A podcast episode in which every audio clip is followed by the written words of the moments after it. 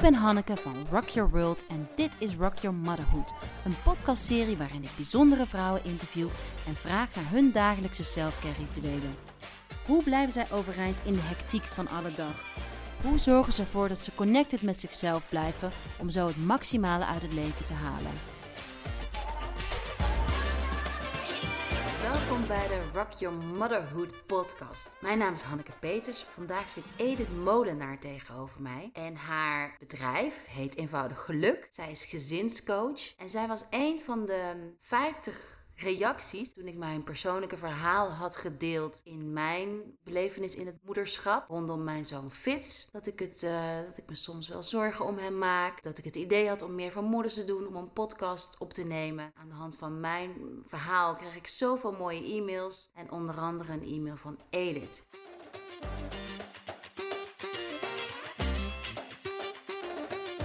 En nu zitten we hier. Ja, Edith. leuk. Ja, Ja. Ja. kan jij iets vertellen over jezelf? over mezelf als in wie ik ben. Ja, het eerst- werk wat ik doe. Eerst over wie je bent. Ik ben Edith. Ik heb een stiefzoon van 16, een dochter van 12 en een zoon van 8. Ik heb een hele lieve man, natuurlijk, en een hond.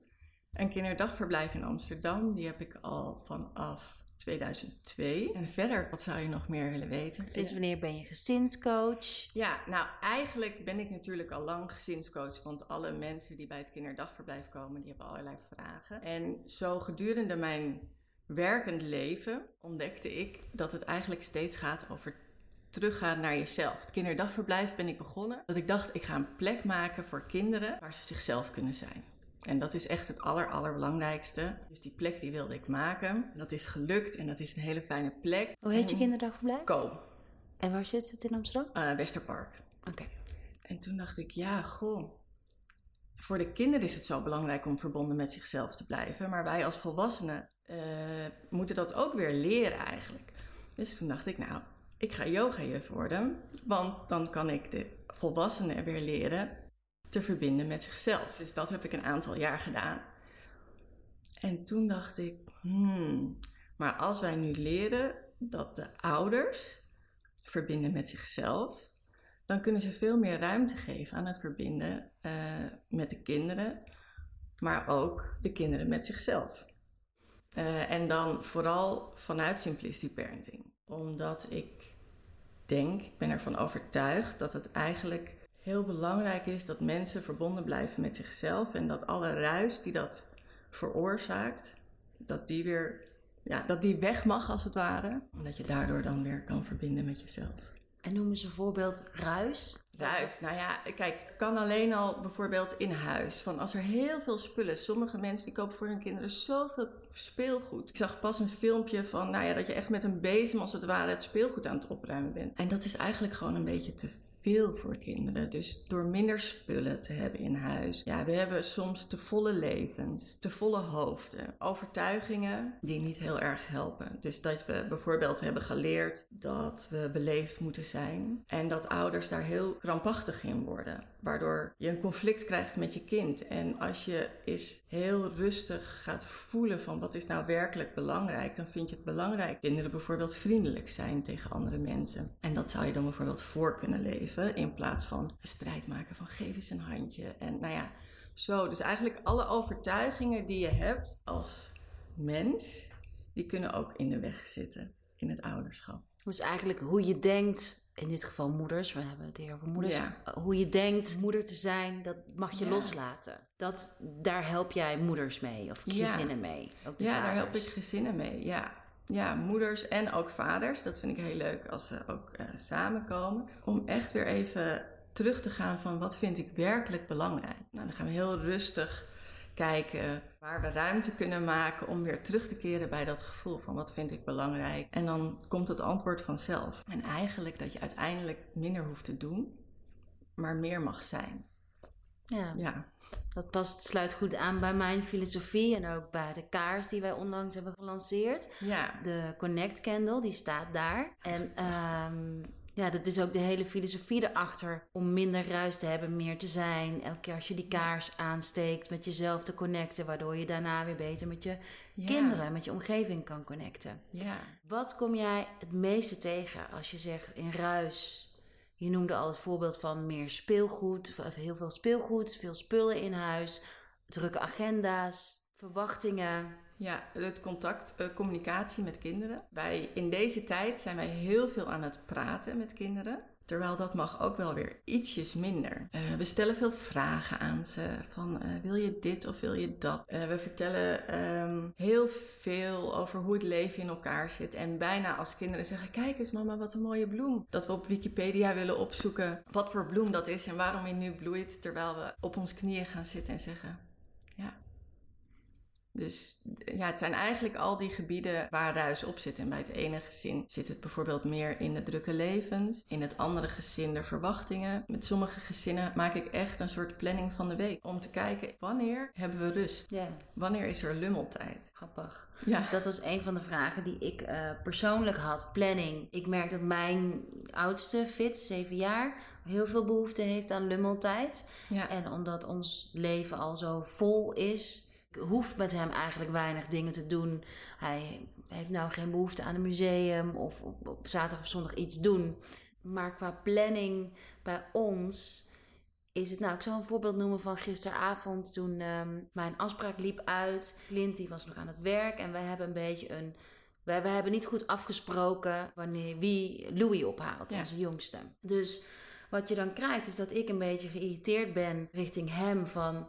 Ja, maar... eh, want ik heb dan het gevoel dat ik het altijd Ja. eh, moet doen. Ja. En er waren geen boodschappen in huis. Ik was zelf niet zo goed georganiseerd. We waren het weekend weg geweest. Louis heeft altijd meteen honger uit de crash. En ik baalde er gewoon even van dat ik het gevoel had dat ik daar als enige over nadacht. Ja. En toen dacht ik van, hé, waarom, waarom heb ik nooit een goede planning? Waarom laat ik altijd alles zo eh, gewoon zijn zoals het is? Ja. Heb je daarin, kom je dat vaker tegen? Heb je daarin een advies voor mij? Nou, ten eerste denk ik dat het allerbelangrijkste advies is dat het oké is. Want anders gaan we in de oordelen van... zie je wel, ik ben geen goed genoeg moeder... of wij doen het ook niet goed samen. Dus ik vind echt heel, heel, heel belangrijk... dat we wat vriendelijker naar onszelf zijn. En dat is ook wat jij natuurlijk telt. Ja, Eh, van we mogen echt zacht zijn. Van oké, dan is het niet goed georganiseerd. En dat is oké. Het is niet het meest handige misschien, maar het is oké. Misschien kan je wat eten in de vriezer zetten. Of misschien kan je eens wat makkelijker eten. Dat je gaat kijken van waar kan ik ritme in krijgen. Met gezinnen kijk ik dus naar de piekdagen en naar de rustdagen. En als jij weet dat dagen piekdagen zijn, dan zou je ervoor kunnen kiezen om het jezelf makkelijker te maken. En makkelijker eten te hebben. Nou ja, een week op zondag altijd even de week doornemen met elkaar. met elkaar en wie doet wat. En ehm, ja, dat helpt al enorm. En het is zo eenvoudig om dat in je telefoon te zetten of in een agenda. En dan zie je de week eigenlijk al. En dan weet je, oh, ja, hier wordt het even druk in de avond. Ja. Laten we ervoor zorgen dat woensdag of de dag daarna, dat we dan de tijd hebben om boodschappen te doen, te eten met elkaar en wat meer rust te hebben. Nou ja, en zo, als je dan kijkt naar de hele week, dan kan je zien van oké, dit zijn de stressmomenten in de week en dit zijn de momenten dat er rust is. En dan kan je ook iets zachter naar jezelf zijn op de momenten dat het druk is. Ja. En heel praktisch, eh, hang je dan een planning op? Of eh, Clint en ik zijn allebei niet heel erg van de, of misschien ik alleen niet van de mobiele agenda's. Ik heb nog een Ja. ouderwetse agenda. Ja, Ehm, ja, wij hebben gewoon een ouderwetse grote kalender en aan het begin van de week ehm, schrijven we op wie haalt en wie brengt. en dat spreek je samen af. Ja. Ja, en dat is echt het plan de week. Eh, wanneer ben je s'avonds weg? Wanneer ehm, hebben de kinderen iets? Wanneer zal Fits overvol zitten en rust nodig hebben? Goh, als ik zo kijk, en zeker als je het op papier hebt staan, dan zie je van, oh, oké, dit is een drukke dag. Bijvoorbeeld, hier is voetbal, hier gaan ze naar de naschoolse opvang. Dan is dit echt het moment dat er gelummeld kan worden. Dus het is eigenlijk in de week ga je kijken, wat zijn de inademmomenten, hè? dat er veel gebeurt, de drukke momenten, en wat zijn de uitademmomenten. En juist om dat heel visueel te maken, en dat doe ik heel vaak met gezinnen, dat we echt gewoon de week pakken, ochtend, middag, avond. Waar zit de rust? Waar zit de drukte? En als je daar al naar kijkt, dan snap je soms ook beter waarom je uh, geïrriteerd wordt of waarom kinderen er een beetje uitschieten. Soms worden ze een beetje overweldigd. Ja, omdat ze het misschien ook niet weten. Ja, omdat ze het niet weten. Voorspelbaarheid is heel prettig. Ja. En als ze in ieder geval het gevoel hebben dat hun ouders er wel voor zorgen dat de week gestructureerd loopt. En het kan al heel erg uitmaken als er een herkenbaar ritme is in de week. Mhm. Dat geeft heel veel rust. Dus bijvoorbeeld op vrijdag spelen we altijd spelletjes na het eten. Ja. Of op die dag ehm, gaan we naar oma. Ja. En dat geeft heel veel rust voor de kinderen en herkenbaarheid. Dus dan weten ze altijd, dan gebeurt dit en dan gebeurt dat. En als het tussendoor een beetje onrustig is en onduidelijk, dat is oké. want ik weet, morgen komt dit weer. Ja. Ja. Op welk moment doe jij dat op zondagavond? Ja, wij doen het vaak als de kinderen op bed liggen. ehm, dan gaan we even rustig zitten met een kopje thee. Ehm, we verplaatsen het nu ook al naar zondagmiddag. Eh, en dan, ja, dan hebben we gewoon ook even gesprek. En het is ook wel fijn zo van, goh, wat ga je dan deze week doen? Wat ga je voor werk doen? Eh, ga je nog mensen zien? Wanneer ga je sporten? Dus je kan ook goed met elkaar eens overleggen wanneer voor de partners, want dat is hè, dus self-care voor partners, wanneer dat er is. Ja, wij zijn heel vaak weekenden weg. Ja. Of, eh, of we werken in het weekend. Dus ik merk wel dat ik het lastig vind om die commitment te hebben om op zondag dat te doen. Ja, Terwijl ik wel heel erg behoefte daaraan heb. Hoe zou dat voor ons kunnen zijn en hoe kan ik daar ook mijn partner in meekrijgen? door het heel gezellig te maken. nee, maar het is voor ons is ook, hè, en dat, dat zie ik ook bij ouders. Als we zo'n planning maken, het geeft heel veel rust. En de vraag is, is het werkelijk belangrijk? Hè? Want, en als je in het weekend werkt, dan is dat ook wat belangrijk is. En in de weekenden weggaan, dan is dat ook wat belangrijk is. Ehm, het kan ook op een woensdag en je kan ook de hele maand vooruit plannen. Het is ook echt even een moment om samen te zijn. En wat ik merk met gezinnen is dat heel helder wordt wat nou eigenlijk de verwachtingen zijn van elkaar. Dus de verwachting is: doe jij ook boodschappen? Als ik te lang werk, regel jij het dan? En zo heb ik met heel veel gezinnen gesprekken gehad. En er zijn zoveel onuitgesproken verwachtingen. Terwijl als je het er eventjes over hebt, dan ehm, hoor ik partners tegen elkaar zeggen: Nee joh, ik vind het helemaal niet erg als je eerder weggaat. Of ja, als jij wil sporten als ik, je naar, als ik de kinderen naar bed breng, prima. En dan, dan, nou echt, dan vallen mensen van hun stoel. En ik vind dat heel grappig ook om te zien. Omdat dat zijn mensen die hebben jarenlange relaties met elkaar. En eigenlijk is het niet gegaan over hoe doen wij het samen. Dus ja, hoe kan je het leuk maken? Of hè, hoe kan je je partner meekrijgen? Als het voor jou belangrijk is, dan zou dat wellicht een reden kunnen zijn. En daarbij gaat het echt over van wat zijn onze verwachtingen naar elkaar? Ja, wat heb ik nodig van jou? Wat heb ik nodig in het gezin? Dus er zit een veel diepere laag eigenlijk onder de praktische invulling. Ja, dat, dat klopt helemaal. En het is ook leuk, want voordat jij kwam heb ik even gebrainstormd nog met mijn vriend Clint over nou, wat komen wij tegen. En daarin kwamen ook verwachtingen heel erg naar voren. En Ja. ik merk dat zelf ook vaak in een relatie. En ja, dat zie ik bij mijn vriendinnen ook gebeuren, dat verwachtingen niet uitgesproken worden. Waardoor dingen in het luchtledige blijven hangen. Ja. En je ook zo teleurgesteld en boos en eigenlijk allerlei negatieve gevoelens bij jezelf hebt. Van, oh, hij ziet me niet staan. Of Ja. nou, zij ziet me niet staan. Daar zit zoveel in. Toen dacht ik ook van, waarom spreken we verwachtingen niet uit? Wat, wat is dat? Dat we dat, nemen we er de tijd niet voor? Of zit er nog iets dieper achter waarom we het niet uitspreken? En het is helemaal leuk. We nemen deze podcast op op ehm, 22 mei. En het tweelingseizoen tweelingen is begonnen. De zon staat nu in tweeling. En tweeling gaat over communicatie. Dus dit is Ja. ook echt de maand eh, waarop je mag leren uitspreken naar een ander. Hoe Ja. zie jij dat? Wat kom jij hierin tegen? Nou, dat we het nooit echt met elkaar hebben gehad als partners over wat willen wij in ons gezin. Wat vinden we belangrijk in Wat vinden we gezin? belangrijk? In Wat zijn onze kernwaarden? Daar ga ik ook altijd met de ouders eerst naar op zoek van wat vind jij het allerbelangrijkste in het gezin? Ja, Vanuit welke waarden leef jij? En dat is heel interessant, want daar is het ook nooit over gegaan. Dus we zijn als het ware verliefd geworden en we kopen een huis en we willen heel graag een gezin met elkaar. En dan is, er, is het er en het gaat heel vaak ook heus wel goed. Maar het zou misschien wat makkelijker zijn als we met elkaar praten over wat vind ik belangrijk. Ja. En dat verandert ook steeds naarmate je zelf groeit of verandert als mens. De kinderen die ouder worden. Dus dat is echt gewoon heel belangrijk dat we daar regelmatig over hebben. En dat is ook echt oké. Ja. Eh, we hoeven niet te verwachten van onszelf dat we dat maar moeten doen, zomaar. Dus ja, die communicatie, dat is echt wel heel belangrijk. Want hoe, hoe doe jij dat dan met Clint? Ik probeer heel erg te communiceren. Ik ben, ben zelf niet ook heel plan, plan, plannerig. Maar ik probeer wel mijn best ervoor te doen Ja, om iets door te nemen. ja, Alleen ben ik niet de meest consequente. En van hem komt er dan wat minder op dat vlak.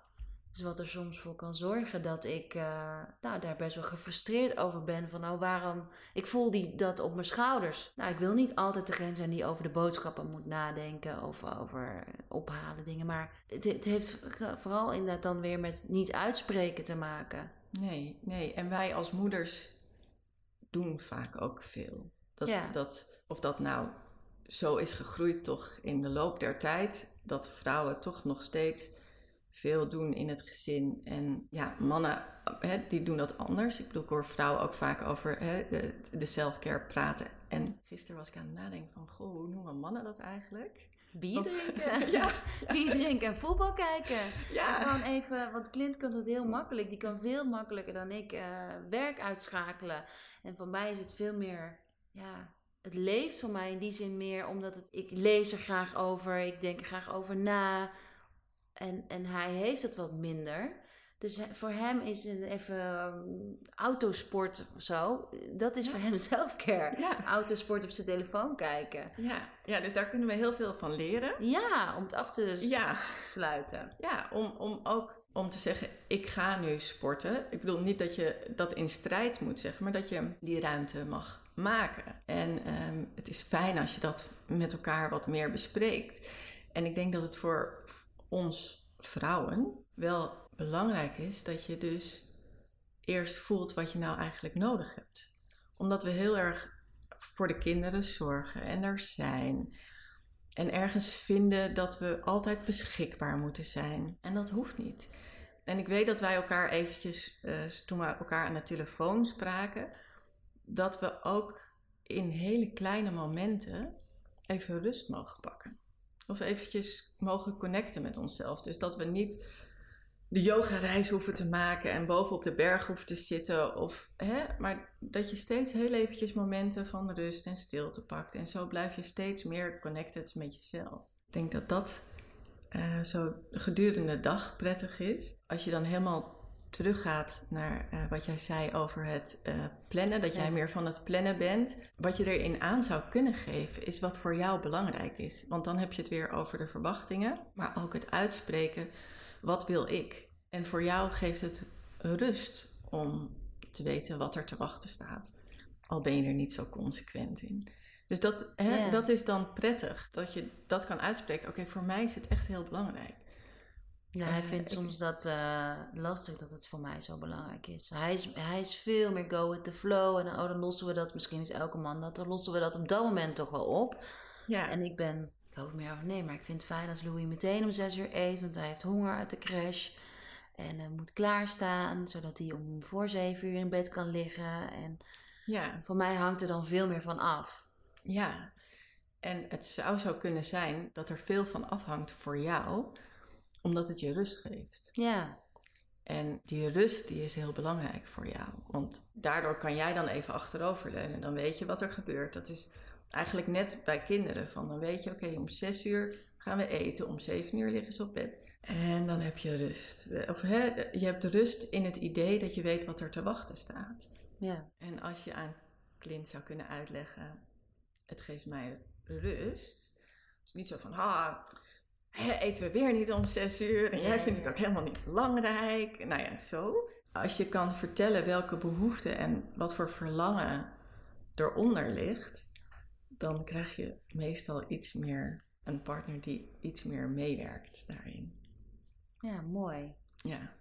Ik moet wel zeggen, hij is ook wel meer... eh, hij is een hele verzorgende papa. Niet dat mensen nu denken van...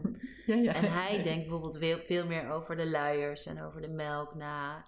En Ja. dat, is, dat geeft mij inderdaad ook rust dat ik dat stukje niet eh, over hoef na te denken. Of Ja. hij doet altijd de vuil- het vuilnis. Ja, Maar dat, toch ben ik dan weer benieuwd hoe, hoe, ik misschien wat meer soms verwacht dan eh, nodig is. Want ik heb het er wel eens met mijn moeder over en zij eh komt natuurlijk van een hele andere generatie. ja.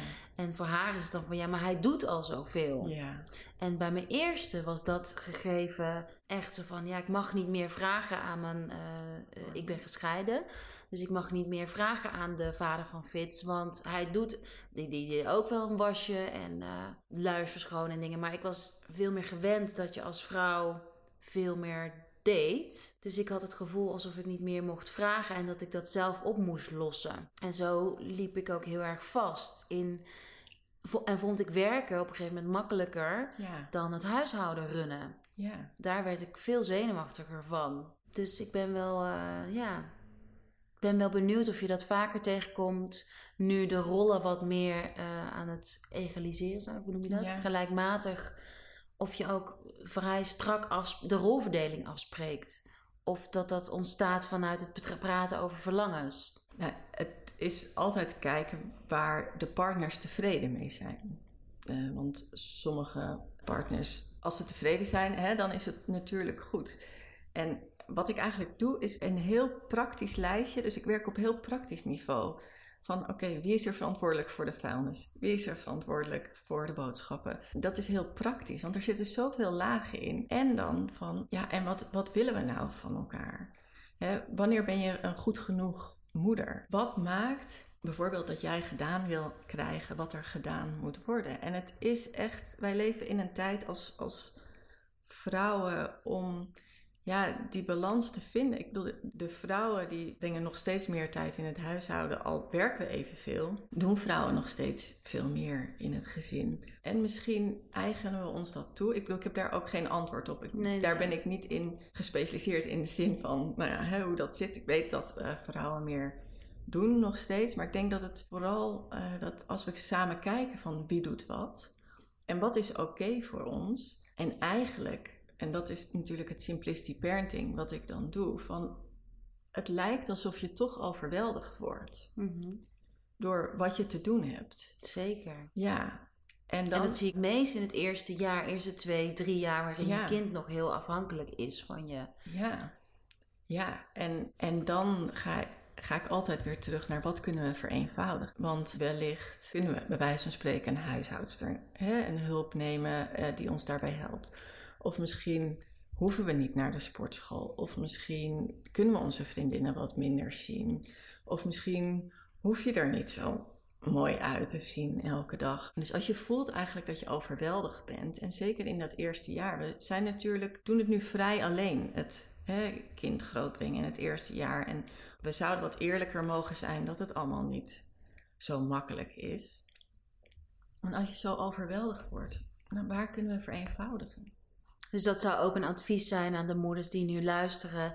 Dat, je, dat ze wellicht een lijstje maken en opschrijven wat ze belangrijk vinden en wat niet binnen dat lijstje valt, dat ze dat van hun agenda af Later. kunnen Ja, en het hoeft niet voor altijd, hè? Nee, want het precies. is zo, dan wordt het heel groot. Maar als je je vriendinnen een kaart stuurt. Afgelopen jaar was ik heel druk en ik heb mijn vriendinnen weinig gezien. En met oud en nieuw heb ik al mijn dierbare mensen een kaart gestuurd. Hoe belangrijk Ja. ze voor me waren. Prachtig. En zo kan je ook laten merken dat mensen bijvoorbeeld belangrijk zijn, maar het hoeft dan even niet. Dus je kan de wereld wat eenvoudiger maken en kiezen voor wat op dat moment ja, ertoe doet voor jou. En juist een keuze maken, dat geeft rust. Keuze toch? maken. En dat is het. Want als je weet waar jij je aandacht en energie en tijd aan wil besteden, dan kies je ervoor. Dus dan voel je je ook oké bij het feit dat je die keuze hebt gemaakt. Ja, Waardoor je je weer rustiger voelt. ja. Ja. Dat is iets wat ik zelf echt heb ervaren. Ik krijg heel vaak de vraag van hoe hou je alle ballen in de lucht Ja. en eh, hoe doe je dat? En ik hou ze heus niet allemaal altijd in de lucht. Vorige week hadden we een heel onverwacht, eh, is Louis opgenomen, nachtje in het Ja. ziekenhuis. Ja. Wat er eigenlijk voor zorgt. En we hadden drie nachten slecht geslapen. Vierde nacht en de vierde nacht heb ik bijvoorbeeld eh, de pan op het vuur laten staan. Ja. En werd ik wakker met het hele huis eh, helemaal in de rook. Oh. En die dag daarna heb ik ook keihard gehuild en gedacht van nou, wat doe ik en wil ik dit allemaal nog wel? En de grap was, ik had die maandagochtend een kaart getrokken van in een kompas van wegwijzers. En s'avonds had de yogaleraar ook gezegd, los daarvan, let deze week op, je, op de signalen die je krijgt. Oh, wauw. Ja. Dus ik dacht echt die donderdag van nou, ik, ik- Louis heeft in het ziekenhuis gelegen. Het huis is bijna afgebrand. Ik ben heel erg verdrietig. Ik weet gewoon even niet waar ik het vandaan moet halen. En ben ik nog wel op het juiste pad überhaupt? Is dit wel het bedrijf waar ik zo sterk eh, voel dat ik, dat ik dit mijn pad is? Maar ja. Het wankelde even allemaal. Maar toch, na een goede nachtrust, is de dag daarna is alles weer in een ander perspectief. Ja. Maar wat ik wilde zeggen is dat ik mijn rust heb gevonden in keuzes. Dat ik voor mezelf mijn vriendinnen minder zie. Me kies ervoor om zo op tijd mogelijk naar bed te gaan. S'avonds Ja. door de week doe ik eigenlijk, behalve een keer sporten, weinig. En dat heeft me zoveel opgeleverd. Ja. Maar in het eerste jaar, toen Fits 1 eh, was, toen was ik nog veel meer in het leven, het Amsterdamse leven. En kon ik dat veel lastiger loslaten, omdat ik nog, ik wilde nog iets vasthouden wat er niet meer was. Ja. En dat gaf frustratie, boosheid. Ook met mijn partner toen, die wilde dat volgens mij ook heel erg. Dus we waren ook nooit voorbereid. En ook denk ik in de relatie wilden we nog zoals het was voor kind. ja. En, en, want wij waren altijd degene die het laatste licht uitdeden en de leuke dingen. Dus daarin ben ik heel erg ja, tegengekomen dat inderdaad die verwachtingen bijschaven voor jezelf heel veel rust geeft. Ja. En daarin trouw aan jezelf zijn. Ja, En dat is en, en verbonden met jezelf zijn. Want als het heel belangrijk voor je is hè, om het leven te hebben zoals het was voor kinderen, en dat kan, dan kan je daarin keuzes maken. Maar het is steeds weer even, even voelen van klopt het of wringt het? En je voelt aan je lijf of aan je leven dat het ergens wringt. En soms denken mensen van, dat als ik het heb over simplistic parenting, van oh, en dan mag ik zeker niet werken en dan moet de agenda leeg zijn. En dat is niet zo. Het enige is dat je trouw aan jezelf leeft. Dus als je heel graag heel veel wil werken en dat klopt, dan kies je er ook voor om je kinderen misschien wat minder te zien of je vriendinnen minder te zien. En dan, ja, dan ben je veel meer echt in contact. Ja En- maar waar, waar ja. denken we... Want dat contact, ik weet het van vroeger nog wel, toen ik daarmee worstelde. Dat trouw aan jezelf, dat wist ik helemaal niet. Want ik Nee. wist niet wat ik eigenlijk belangrijk vond. Ik was zo ver verwijderd van wie ik was en wat ik leuk vond. Ja, dat, dat, en die signalen, ja, uiteindelijk koppelde ik het er wel aan. Maar het heeft wel een tijdje geduurd. Ja, Dus Ja. er zit nat- natuurlijk wel ook nog een tussenfase in dat je misschien ook helemaal niet bewust bent. Totdat je overspannen, burn-out of, of, Ja. of iets ergers. Je Nou ja, er, er bedoel. gebeurt iets. Eigenlijk krijg je steeds signalen waardoor je voelt, hmm, ik zit niet op het juiste spoor. En soms wil je er ook gewoon helemaal niet naar luisteren of sta je er helemaal niet voor open. Nou, en op een gegeven moment, dan kan je de signalen niet meer ontwijken. Er komen veel ouders bij mij omdat hun kind gedrag vertoont waar ze zich zorgen over maken. En ik heb het dan niet zoveel over de kinderen. Ik heb het dan over van, nou, hoe zit jij in je vel? En als je dan eens kijkt naar je kind, eh, wat, wat wil je dan eigenlijk geven? Nou ja, en dan komen we ook weer terug bij dat contact eh, wat ouders hebben met zichzelf, wat ze ook al heel lang zijn kwijtgeraakt. En dat is, wij willen dat onze kinderen ook eh, mogen zijn wie ze zijn en willen we daar de ruimte voor geven. En tegelijk hebben wij als ouders ons vreselijk aangepast en zijn we heel veel, soms heel ver verwijderd van wie we werkelijk zijn. Omdat we denken dat het zo hoort of dat het moet. Of omdat we hebben bedacht dat het een goede manier is. Of het is een soort copingstrategie geworden. Ja, en dan ga je of gewoon zo door en dat werkt. Of op een gegeven moment voel je dat dat niet meer past. En ja, dat komt dan nou ja, via je kind, via je relatie, eh, doordat je zelf vastloopt. En hoe vervelend dat ook is, denk ik wel dat dat een cadeautje dan uiteindelijk is. Zeker. Ik Ja. ervaar dat ook. Uit elkaar gaan met de vader van Fitz. En eh, ja, Hoe heb jij dat ervaren als cadeautje? Uh, nou ja, ja, daardoor ben ik aan mezelf gaan werken en daardoor is Rock Your World überhaupt ontstaan. Maar dat neemt niet weg ja, dat ik voor Fitz natuurlijk liever had gewild dat zijn ouders nog bij elkaar ja.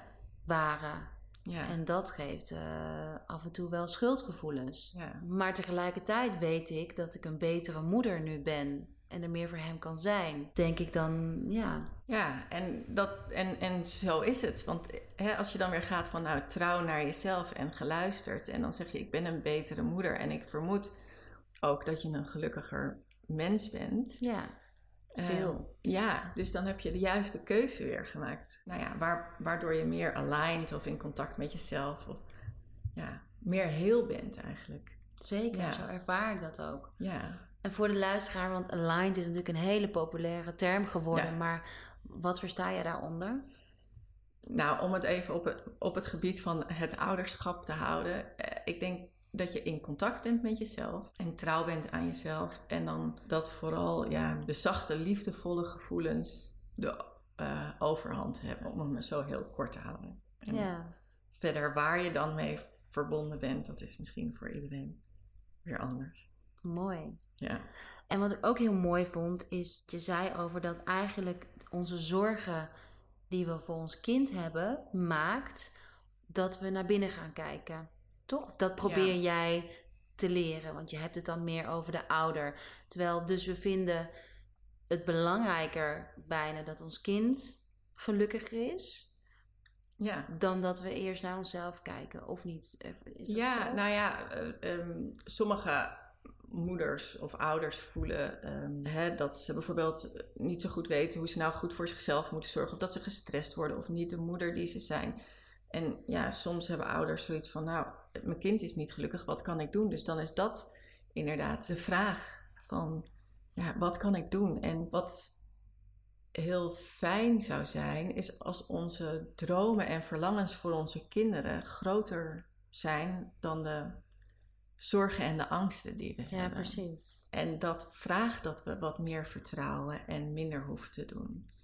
Dus ja, dat is voor, voor mij denk ik steeds maar, oh, hoe kunnen we het eenvoudiger maken? Hoe mogen we gewoon meer achteroverleunen en vertrouwen en ons kind zien met de eigenaardigheden die ze hebben. Als we met aandacht hè, aanwezig zijn, dan zullen we zien wanneer die eigenaardigheden wat uitvergroot worden. En dan weten we dat ze overweldigd zijn.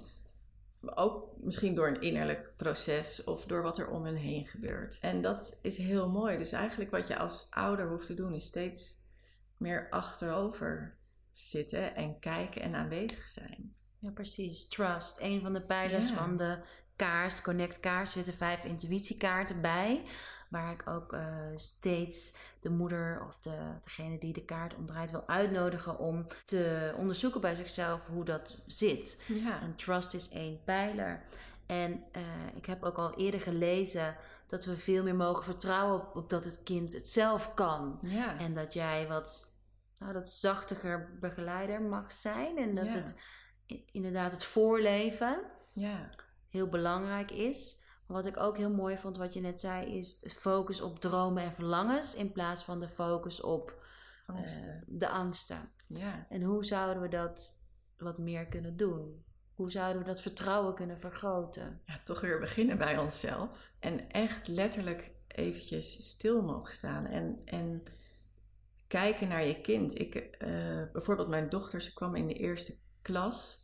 En het was veel voor haar, zo'n eerste klas. En dan kwam ze thuis en dan ging ze naar de kamertje en dan maakte ze het donker. En ging ze onder de dekbed liggen met een Donald Duckje en een zaklamp. En voor haar, zij had zo'n goede manier gevonden om weer eventjes tot zichzelf te komen na zo'n drukke dag. En ergens had ik een soort zorg. Van, oh, maar dan gaat ze daar in bed liggen en het is misschien allemaal te veel. En wat Ja, moet ik doen om eh, het minder te maken? Of, en op een gegeven moment toen keek ik en werd ik zo geraakt door de wijsheid. Dan heeft zij iets gevonden wat voor haar goed is om eh, eh, te zorgen voor zichzelf. Dus dat is de ultieme selfcare. En heel wijs van een meisje van toen zes jaar, hoe ze voor zichzelf eh, zorgt. Kinderen weten dat heel goed. Kinderen en die weten doen dat niet. goed. Die doen. Die doen, is mijn optiek, niet iets om jou te pesten. Nee, Dus nee. ze doen niet zeggen van, ik wil niet naar voetbal of dingen omdat ze ja, dwars willen zitten. Maar Nee. gewoon dat ze voelen, denk ik, dat het te veel is. Ja, ja. En dat is, ehm, soms zeggen ouders, ja, dat doen ze om te sarren. En dan denk ik, nou, nee, achter elk gedrag zit een positieve intentie. Ja. En vanuit Simplicity Parenting, die maakt een hele, eh, Kim Jong Payne, dat is de, de bedenker ervan, ehm, eh, die maakt een hele mooie eh, vergelijking. En die zegt, als een onderzeeboot vaart, dan zendt hij signalen uit of hij nergens tegenaan botst. En eigenlijk zijn kinderen dat ook aan het doen. Van Ja. zit ik goed op koers? Klopt het waar ik ben? En de signalen worden steeds groter als ze het gewoon niet, even niet weten. En hij zegt dan, de kinderen zijn dan gedesoriënteerd. Van het is te veel. Dus wij hebben dan weer die oriëntatie zeg maar terug te pakken. En die rust te bieden. En hen zien van, oh maar wat heb jij nou werkelijk nodig? Wat, wat ben jij mij nou eigenlijk aan het vertellen? Maar daarvoor is het heel belangrijk dat wij onze intuïtie Ja, volgen. Ook een pijler van de kaars. ja. eh, intuition. En hoe kunnen wij meer onze intuïtie volgen volgens jou? Ja, dan maak ik toch weer het cirkeltje ehm, eh, rond. Want als wij zelf overweldigd zijn, als wij zelf heel druk zijn, als wij stress hebben, dan zijn we waarschijnlijk niet echt in contact met onze intuïtie. En je hoeft ook niet altijd in contact te zijn met je intuïtie. Dat is ook, dat kan niet. Ehm, of het kan wel, maar ehm, dat is dan een uitdaging. Dus ja, om manieren te vinden om weer die intuïtie te pakken en te voelen. En ieder heeft daar zijn eigen manieren voor. Eh, de een die gaat hardlopen, de ander gaat schilderen, de ander wordt blij van hè, eh, met vriendinnen even praten. En dan denk je, oh ja, ik ben weer helemaal verbonden met mezelf en opgeladen. Dus ieder heeft daar zijn eigen manieren voor. En het is fijn als je dat ontdekt. En eigenlijk heb ik een hele simpele manier om te kijken wat voor mij past. En dat is van, ja, doe ik dingen uit vertrouwen? Of doe ik iets vanuit angst? En doe ik iets vanuit liefde? Of doe ik iets vanuit tekort? En heel praktisch, ja, word je er blij van? Of krijg je, voel je een beetje een kramp in je buik als je ergens voor kiest? Dat je dan ja zegt, terwijl je toch al een beetje in je buik een soort, of ja, in je schouders voelt van, ah, dit, is, dit klopt eigenlijk niet. Ja. En ja, daar steeds een, in, in voelen en, en kiezen. En dan blijf je op het spoor of kom je steeds weer terug. Ik ben heel benieuwd naar andere pijlers van je kaars. Want je hebt trust, intuition. Joy, love. Ja, Dat zijn ook twee dingen die jij net noemt. ja, En ik vind, als ik denk aan joy, denk ik ook wel aan eh, precies dat wat je zegt. In plaats van zorgen over je kind, de joy met je kind. Dat is Ja. iets wat voor mij heel erg helpt. Ik hou bijvoorbeeld heel erg van trampolinespringen met Fitz. Of met Louis even met de bal. En überhaupt Louis is een... Louis en Fitz, allebei zijn hele vrolijke kinderen van nature. Dus als je die... Ja, ja, dat vult me eh, automatisch met heel veel joy. ja. Eh, en ik merk heel goed bij mezelf, als ik zelf te druk heb gehad, dan zegt Fitz van, eh, ah, waarom moet je zo shaggy doen? ja. Dus, en dan, dan denk ik ook aan, ja, dan, voor ons is muziek bijvoorbeeld, Fitz houdt heel erg van muziek. ja. Voor ons is joy, muziek, samen meezingen, samen dansen op het bed. ja. De muziek, dat, dat klaart de lucht. Ja, ja. En dat is dan, dan maak je echt plezier. En dan, Ja. dan maak je, als ik een haakje maak naar het Simplicity Parenting, daar zit ritme en rituelen in. Omdat ehm, rituelen maakt het, het gezin. Hè? Dan, dan zeg je, oh, vroeger gingen wij Zeker. trampoline springen met mama. Of ehm, ehm, gingen we op het bed springen of maakten wij muziek. En dat, zijn, ja, dat, dat versterkt ook heel erg de band. Dus het is heel mooi om te kijken, wat, is, eh, wat zijn eigenlijk de rituelen? Wat doen wij als gezin? Waar worden wij als gezin heel erg blij van? Wij kunnen bijvoorbeeld een, een taartje eten in de stad. Dat is dan een soort, zullen we een taartje eten in de stad? En dat is dan echt zo'n feestje dat we zomaar een taartje gaan eten in de stad. Ja. En, ehm, en, En het hoeft dan ook helemaal niet op een bepaalde dag. Nee, nee. Dat is dan... Er hoeft niks aan gekoppeld te zijn. Gewoon van, weet je nog, vroeger dat we in de auto dat lied luisterden. Of... Ja, zo doen wij het als gezin en daar worden we blij van. En wij hebben het zondagochtendontbijt. En dat, dat doen wij. En dat is heel waardevol. Soms dan zijn er al kinderen uit de buurt die er komen en dan vinden de anderen het niet leuk. Want dat doen we toch met z'n vijven. Ja, precies. En eh, dus dat is, dan merk ik hoe waardevol het eigenlijk is Ja, voor ze. Dan ga ik voorbij aan dat we dat met z'n vijven doen en dat we dan samen zijn en Ja. verbonden. En voor mij is, Ja. is dat bijvoorbeeld ook heel belangrijk. Maar wat ik lastig vind, is dat nou, we ook vaak op zondag werken of dingen te doen hebben. En Fits niet elke zondag bij ons is. Nee. Dus hoe zou, wat zou jouw advies naar mij zijn? Hoe kan je dat dan wel terugbrengen? Ja, naar, naar onderzoeken wat past bij jou. Kijk, als Fitz weet als hij er is, nou ja, sowieso met als je samengestelde gezinnen hebt en als kinderen er niet altijd zijn, is het eh, fijn dat als kinderen komen, dat ze weten hoe het gaat. Dus bij wijze van spreken, als hij op een vaste dag komt, dat jullie altijd even een wandelingetje gaan maken of een spelletje spelen, dat het herkenbaar is. Dus bijvoorbeeld hij is bij ons op woensdag. Ja, Dat we op woensdag altijd... voor het eten een spelletje spelen. Als dat past in jouw, hè, in jouw werkritme of in jouw leven. Nou, daar wil Of- ik graag tijd voor maken. Ja. Want dat is, eh, vind ik heel belangrijk. En nu is vaak de woensdag... moet hij meteen naar voetbal, naar school. Wat Ja. hij vreselijk vindt. Ja, dan, dan als je naar voetbal bent geweest, dan heb je zo'n soort gehaastheid ja. richting meer de avond. Dus ik ben wel benieuwd ja, hoe ik dat dan meer zou kunnen oppakken. Misschien iets kleins te doen met hem. Ja, het kan, het kan echt van alles zijn. En wat ik heel mooi vind, is dat je zegt, daar wil ik graag tijd voor maken. Dus, dus daaruit laat je zien van, dit is wat ik belangrijk vind, die woensdag, als Fits komt. No matter what, ik zorg dat ik er ben. Of er moet iets heel erg, iets belangrijks zijn. En dan kan je ook samen, je kan ook aan hem vragen van... Goh, wat vind je leuk? Vind je het leuk als, je, als we samen een spelletje doen? Vind je het fijn als je weet dat als je op woensdag komt... dat we altijd zelf pizza's gaan maken met elkaar? Wat, eh, dat we na het voetbal even een wandelingetje gaan maken op het strand. Alleen jij en ik. Om eens te horen hoe het met je is. Of hè, dat hoef je dan niet te zeggen tegen een zevenjarige. Maar zullen we na het voetbal anders gewoon even een wandelingetje gaan maken op het strand?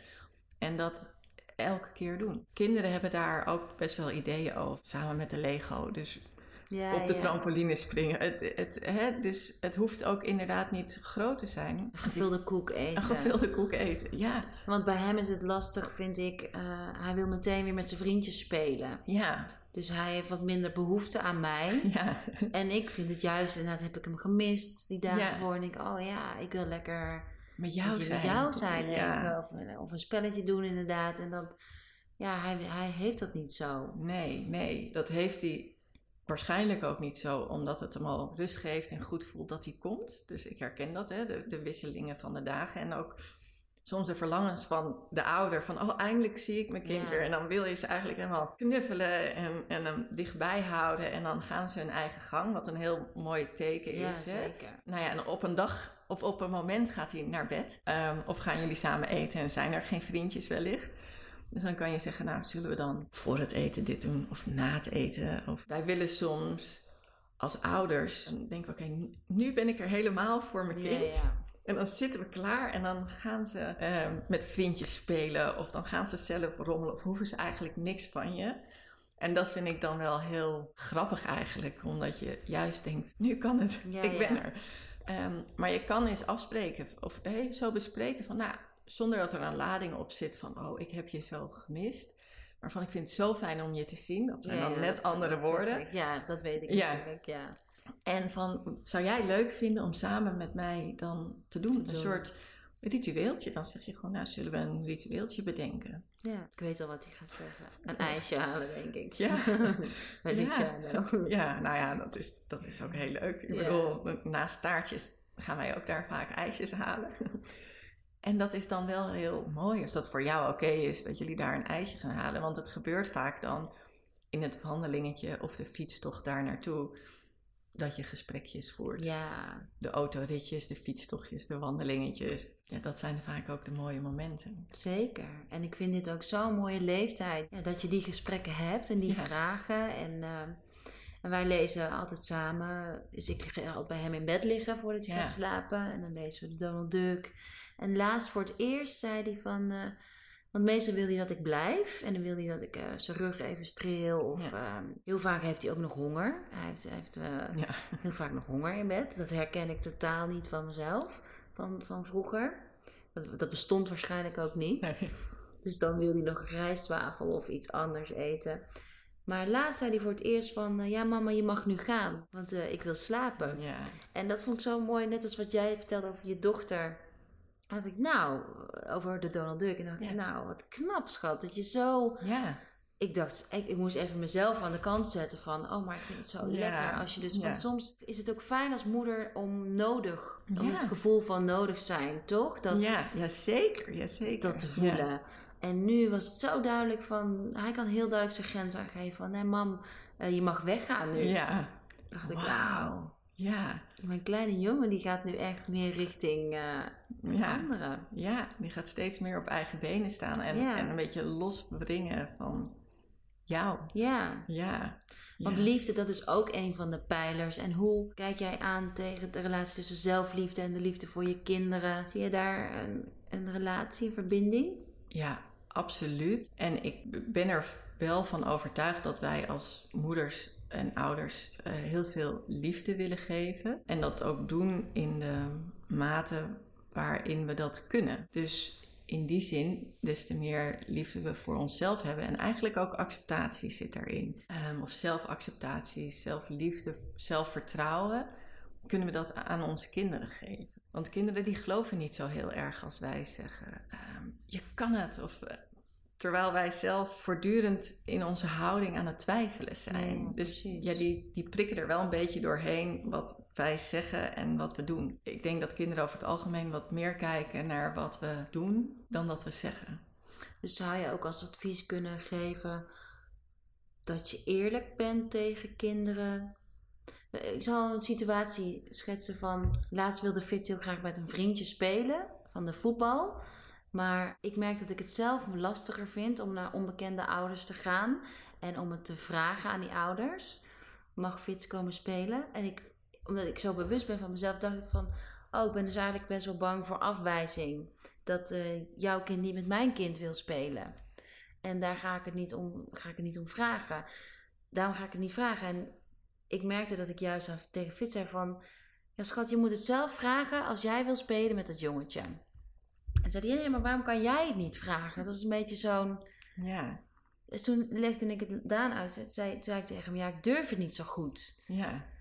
Maar zou je dat dan... Is dat hetgeen wat je bedoelt met er doorheen prikken ook? Of- Mm, even kijken hoor. Ja, in dit geval niet zo. Dan, hè, je kan ook gewoon zeggen, nou ja, ik, ik durf het niet zo goed, maar oké, kom, we gaan het samen doen. Hè, dat je het Mhm. licht houdt. Wij hoeven kinderen niet heel veel te betrekken bij de volwassen wereld. Dat is een beetje van deze tijd, dat we heel veel vertellen en Ja, uitleggen. Ja, dus we mogen ze eh, wat minder in die zin eh, uitleggen en vertellen. Eh, maar in dit geval kan je wel zeggen, oh ja, een beetje licht maken. Oh ja, mama vindt dat een beetje raar dan, want ik ken die mensen helemaal niet. Maar tuurlijk, we gaan dit gewoon doen. Dus dan hou je het heel licht. Dus daar, daarin mag je gewoon uitleggen even hoe je erin staat. Want als jij zegt, nee, ga jij maar. Ja, mam, kom op.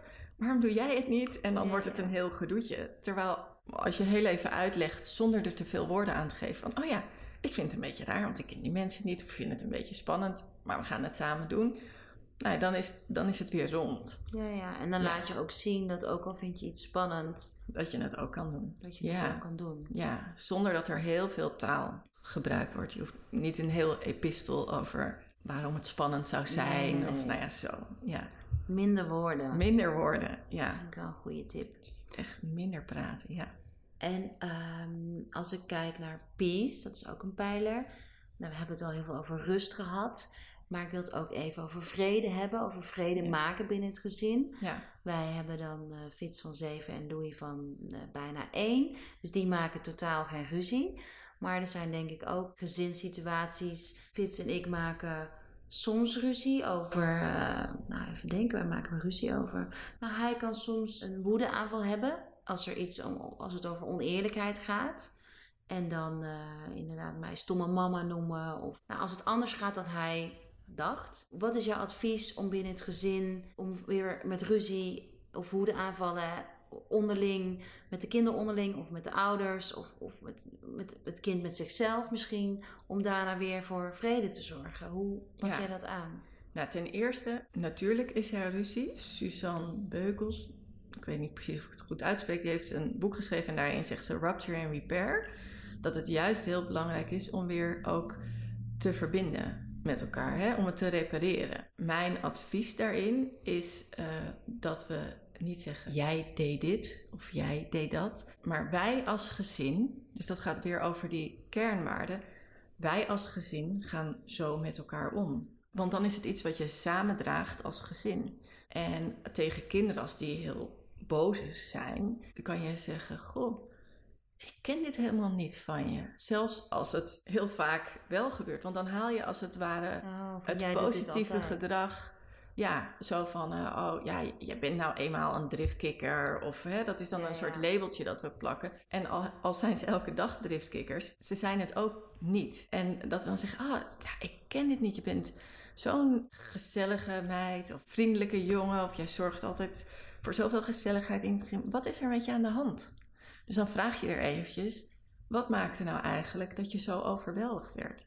Zonder dat je daar een heel gesprek over voert. Want dat is dan weer maar zo. What's bothering you? Weet je, wat, wat is er aan de hand? En neem je dan niet daarmee de emotie weg? Van dat het, dat het soms. Of, of zie jij dat meer van. De drift is altijd een signaal dat er kind overweldigd is. In plaats van dat het gewoon. Dat, dat het Boos is. soms is. Ja, maar nee, het is soms zo. Het is soms zo. Maar als je zegt van ja, ik herken je niet zo. Wat is er aan de hand? Denk je dan niet dat het kind denkt van. Ik, ervan maakt ik mag niet boos zijn? Oh, jawel. Het mag wel boos zijn. Dus maar van, ja, dit is niet jouw, jouw wie je bent. Zoals ik je ken. zoals ik je ken. Dus wat maakt nou dat je zo, zo boos wordt? Dus het is eigenlijk dat je interesse toont van... hé, hey, ik zie dat je niet lekker in je vel zit. Wat is er aan de hand? En dat dat oké is en dat je daar ruimte voor maakt. Want dat heb je waarschijnlijk ook net niet gezien. Of dat hebben zij. Zij zijn er gewoon doorheen geschoten als het ware naar die boosheid. Herken ik ook van mezelf. Zit je lekker in je vel en opeens word je hartstikke boos. Maar dat opeens gebeurt niet zomaar opeens. Want dat is een opeenstapeling van, van alles. En Zeker. eh, het is heel fijn ook om te horen van, oh, maar dit zit eronder. Ja. Ja. ja, en dat repareren we dan weer met elkaar. En, Ja. Nou, ik Ja. vind het ook een heel mooi, goede tip om te zeggen wij als gezin. ja, Fitz is heel erg, uh, zijn boosgutter heel erg, wil hij zijn vrijheid en niemand eigenlijk zijn regels opleggen. Waardoor eh, hij ook zegt, ja, waarom, waarom bepaal jij dat? Waarom bepaal jij hoe laat ik naar bed moet? Waarom bepaal jij? ja, Voor hem is dat, eh, waarom Ja. bepaal jij wat ik moet eten? Waarom, eh, Ja. Dat vraagt hij zich af. Ja, ja, en wat je. ehm, toevallig sprak ik pas een, eh, een vader en die zei: Voor mijn bedrijf heb ik de kernwaarden op de muur staan. En dat bespreek ik met mijn team. Eh, en voor mijn gezin heb ik dat niet. Dus die ging eh, aan de slag met als gezin gewoon een familiebijeenkomst. Wat zijn onze kernwaarden? Waardoor ze ook het gevoel hebben dat ze er een onderdeel van zijn, dat het niet besloten wordt. Ja. En dat je een soort familievergadering houdt. eh, en met Fitz zegt, nou oké, je gaat zo laat naar bed, want ja, eh, daar heb jij je redenen voor. En dan heeft hij ook het gevoel dat, dat er naar hem geluisterd wordt. Of dat hij één dag in de week mag zeggen wat er gegeten wordt. Ja, Of ja. zo. En natuurlijk, want dat vind ik wel even heel belangrijk. Als ouders zetten wij de kaders. Ja. Hè? ehm, ouders leiden het gezin. De kinderen staan centraal. En dat geeft rust. En soms vinden wij onze kinderen zo belangrijk dat wij eigenlijk centraal staan als ouders. En dat de kinderen het gezin leiden. En dat wij als ouders voortdurend in beweging zijn. Om hun te pleasen? Om hun gelukkig te maken. En hoe, hoe, ik kan me daar, ik kan niet een voorbeeld bedenken. Kan jij een voorbeeld Ehm, schetsen? Nou, bijvoorbeeld als kinderen niet willen opruimen of zo, dat wij het dan allemaal maar gaan opruimen, omdat we het conflict niet aan willen gaan. Of bijvoorbeeld op de crash willen kinderen soms echt een speeltje mee of iets niet aan. Of, en daardoor krijgen ze eigenlijk steeds meer ruimte om hun eigen rust te creëren. Dus van, nou, als ik dit speeltje mee heb of als ik het op deze manier doe, Ja, ja. dan waardoor ze grip proberen te krijgen op de situatie. Terwijl eigenlijk wij als ouders moeten zeggen: Nou, Maar wij hebben daarvoor gezorgd. Hier binnen is waar jij leeft en dat geeft rust en veiligheid en Ja. herkenning. Mooi. Ja, Mooi, want ik zie daar denk ik wel een parallel in latere levens. ja, Als ik vrouwen op consult heb, heel veel vrouwen hebben een heleboel regels. ja, Eigenlijk buiten zichzelf, in eten, in sporten, Ja. whatever. Maar misschien is dat al een beetje terug te leiden dat, tot, tot je kindertijd, dat je dus aan bepaalde dingen buiten jezelf behoefte had om die rust te vinden. ja. Ergens ga je dan houvast zoeken. Ja, precies, hou vast. Ja, en, en voorspelbaarheid geeft rust. ja. Terwijl we willen eigenlijk soms zo graag er voor de kinderen zijn, dat die voorspelbaarheid verdwijnt. ja. En het een steeds groter gebied wordt waarbinnen ze functioneren. Dus discipline, liefdevolle discipline, is heel waardevol voor kinderen. Geeft, Ja. geeft ze heel veel rust. Ja. Mooi. We gaan de podcast afronden. Ik had graag ehm, nog langer gesproken, want ik vind het mega interessant. En ik denk heel waardevol voor heel veel moeders, vaders, eh, voor gezinnen wat jij te vertellen hebt.